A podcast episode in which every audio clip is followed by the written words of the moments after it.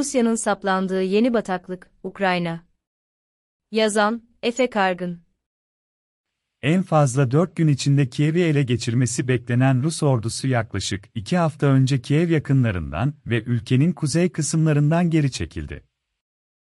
Ve savaşın başlamasının üstünden neredeyse 2 ay geçmesine rağmen Kherson ve Mariupol dışında hiçbir büyük şehirde kontrolü sağlayamadı. Bunun yanında kısa bir süre önce Ukrayna ordusu, Rus Karadeniz donanmasının amiral gemisi Moskova'yı batırdı. Peki Rusya'nın yaşadığı bu hezimetin sebebi Ukrayna'nın güçlü direnişi mi, yoksa Rus ordusunun lojistik ve taktiksel eksikliği mi?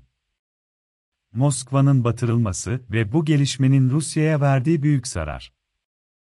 14 Nisan günü Ukrayna Rusya'nın Karadeniz filosu amiral gemisi Moskova'yı Neptüne füzesi ile batırdığını açıkladı. Bu haberi ilk gördüğümde Ukrayna'nın elindeki tek Neptüne bataryası birliği ile Rus donanmasının en önemli gemisini vurmasının pek mümkün olmadığını düşündüm. Hatta sosyal medyadaki videonun Finlandiya'da çekildiği ortaya çıkınca söz konusu haberin gerçek olmadığı ve Ukrayna'nın moralleri yükseltmek için propaganda yaptığı kanısına vardım. Ama günün ilerleyen saatlerinde Pentagon ve Kremlin'den gelen açıklamalar fikrimi değiştirdi. Pentagon ilk olarak Moskva kruvazörünün hasarlı olduğunu ve Sevastopol limanına doğru yola çıktığını söyledi.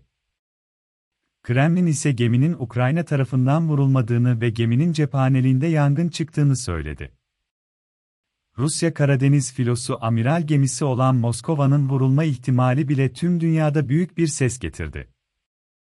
Tüm bunların ardından akşam saatlerinde Rusya Savunma Bakanlığı geminin kötü hava koşulları nedeniyle battığını ve tüm mürettebatın tahliye edildiğini açıkladı.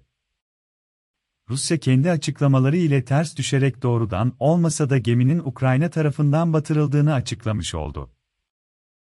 Dünya kamuoyunda asıl tartışılan konu ise geminin batmasından ziyade nasıl vurulduğu oldu, çünkü Moskva kruvazörü Rusya donanmasının hava savunmasının en önemli parçası olan bir geminin sadece bir tane Neptüne bataryası birliği tarafından nasıl vurulduğu ve gemide yer alan hava savunma sistemlerinin neden saldırıyı önlemediği büyük bir hararetle tartışıldı. Bunun yanında Moskva kruvazörünün batması özellikle Odessa şehrinin herhangi bir Rus saldırısı durumunda savunulması için çok büyük bir avantaj sağladı. Unutmamak lazım ki Moskva kruvazörü Karadeniz donanmasının balistik füze gücünün yaklaşık yarısını ve hava savunma kabiliyetinin neredeyse tamamını sağlıyordu. Rusya için şehirlerde ilerlemenin imkansız bir hale gelmesi.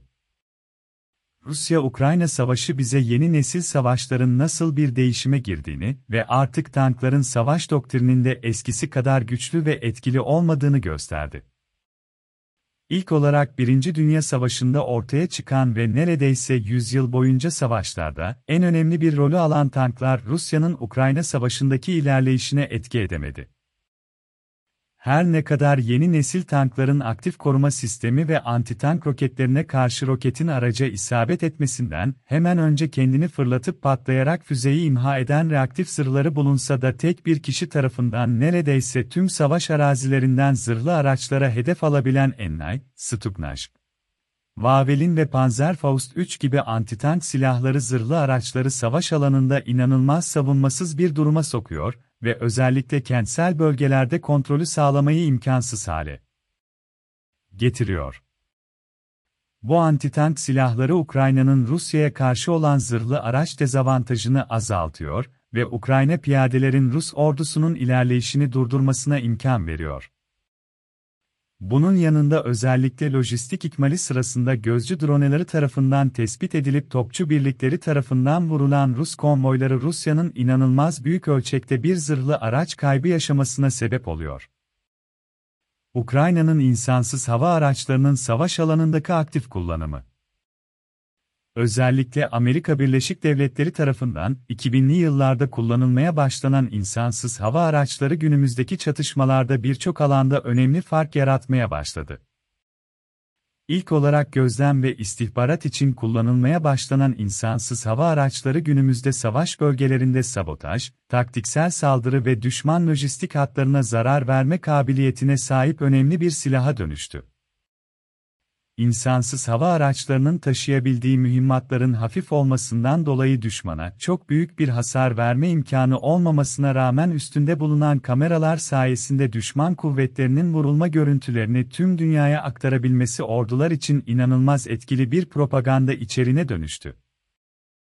Eğer gündemi takip ettiyseniz Ukraynalıların Bayraktar için yazdığı şarkıyı mutlaka görmüşsünüzdür.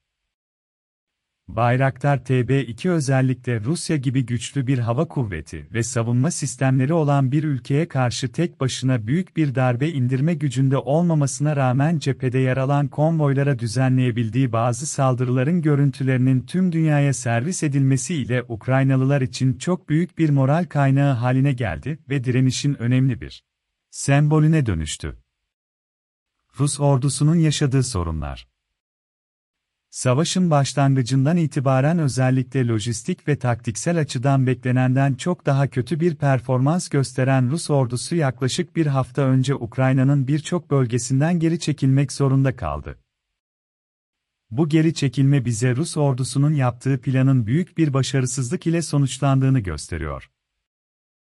Rus Yüksek Komutası lojistik desteği konusunda operasyonun kısa bir zamanda sonuçlanacağını düşündüğü için büyük bir sorun yaşanacağını tahmin etmiyordu, ama beklenenin aksine daha savaşın ikinci gününde lojistik sorunları yaşamaya başladılar ve savaşın bir haftadan çok daha uzun süreceği anlaşılınca yaptıkları planların ne kadar yanlış olduğunu fark edip sonunda geri çekildiler.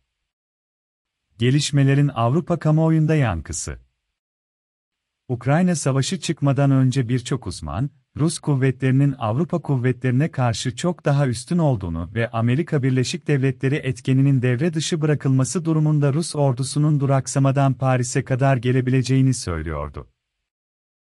Ama savaşının ilerleyişine baktığımızda Rus ordusunun aslında düşünüldüğü kadar güçlü olmadığını ve özellikle Rus yüksek komuta zincirinin aşırı yozlaşma nedeniyle çatışmayı doğru analiz ederek sahadaki durumu değiştirmek için hamleler yapabilme imkanına bile sahip olmadığını görebiliriz. Bu gelişmeler özellikle Avrupa kamuoyunda uzun süredir yer alan pasifizm politikasının yıkılmasına sebep oldu. Eskiden Rusya'dan korktuğu için hiçbir tarafa yakın durmak istemeyen Finlandiya ve İsveç bile yakın bir zamanda büyük bir ihtimalle NATO'ya katılmak için başvuru yapacak.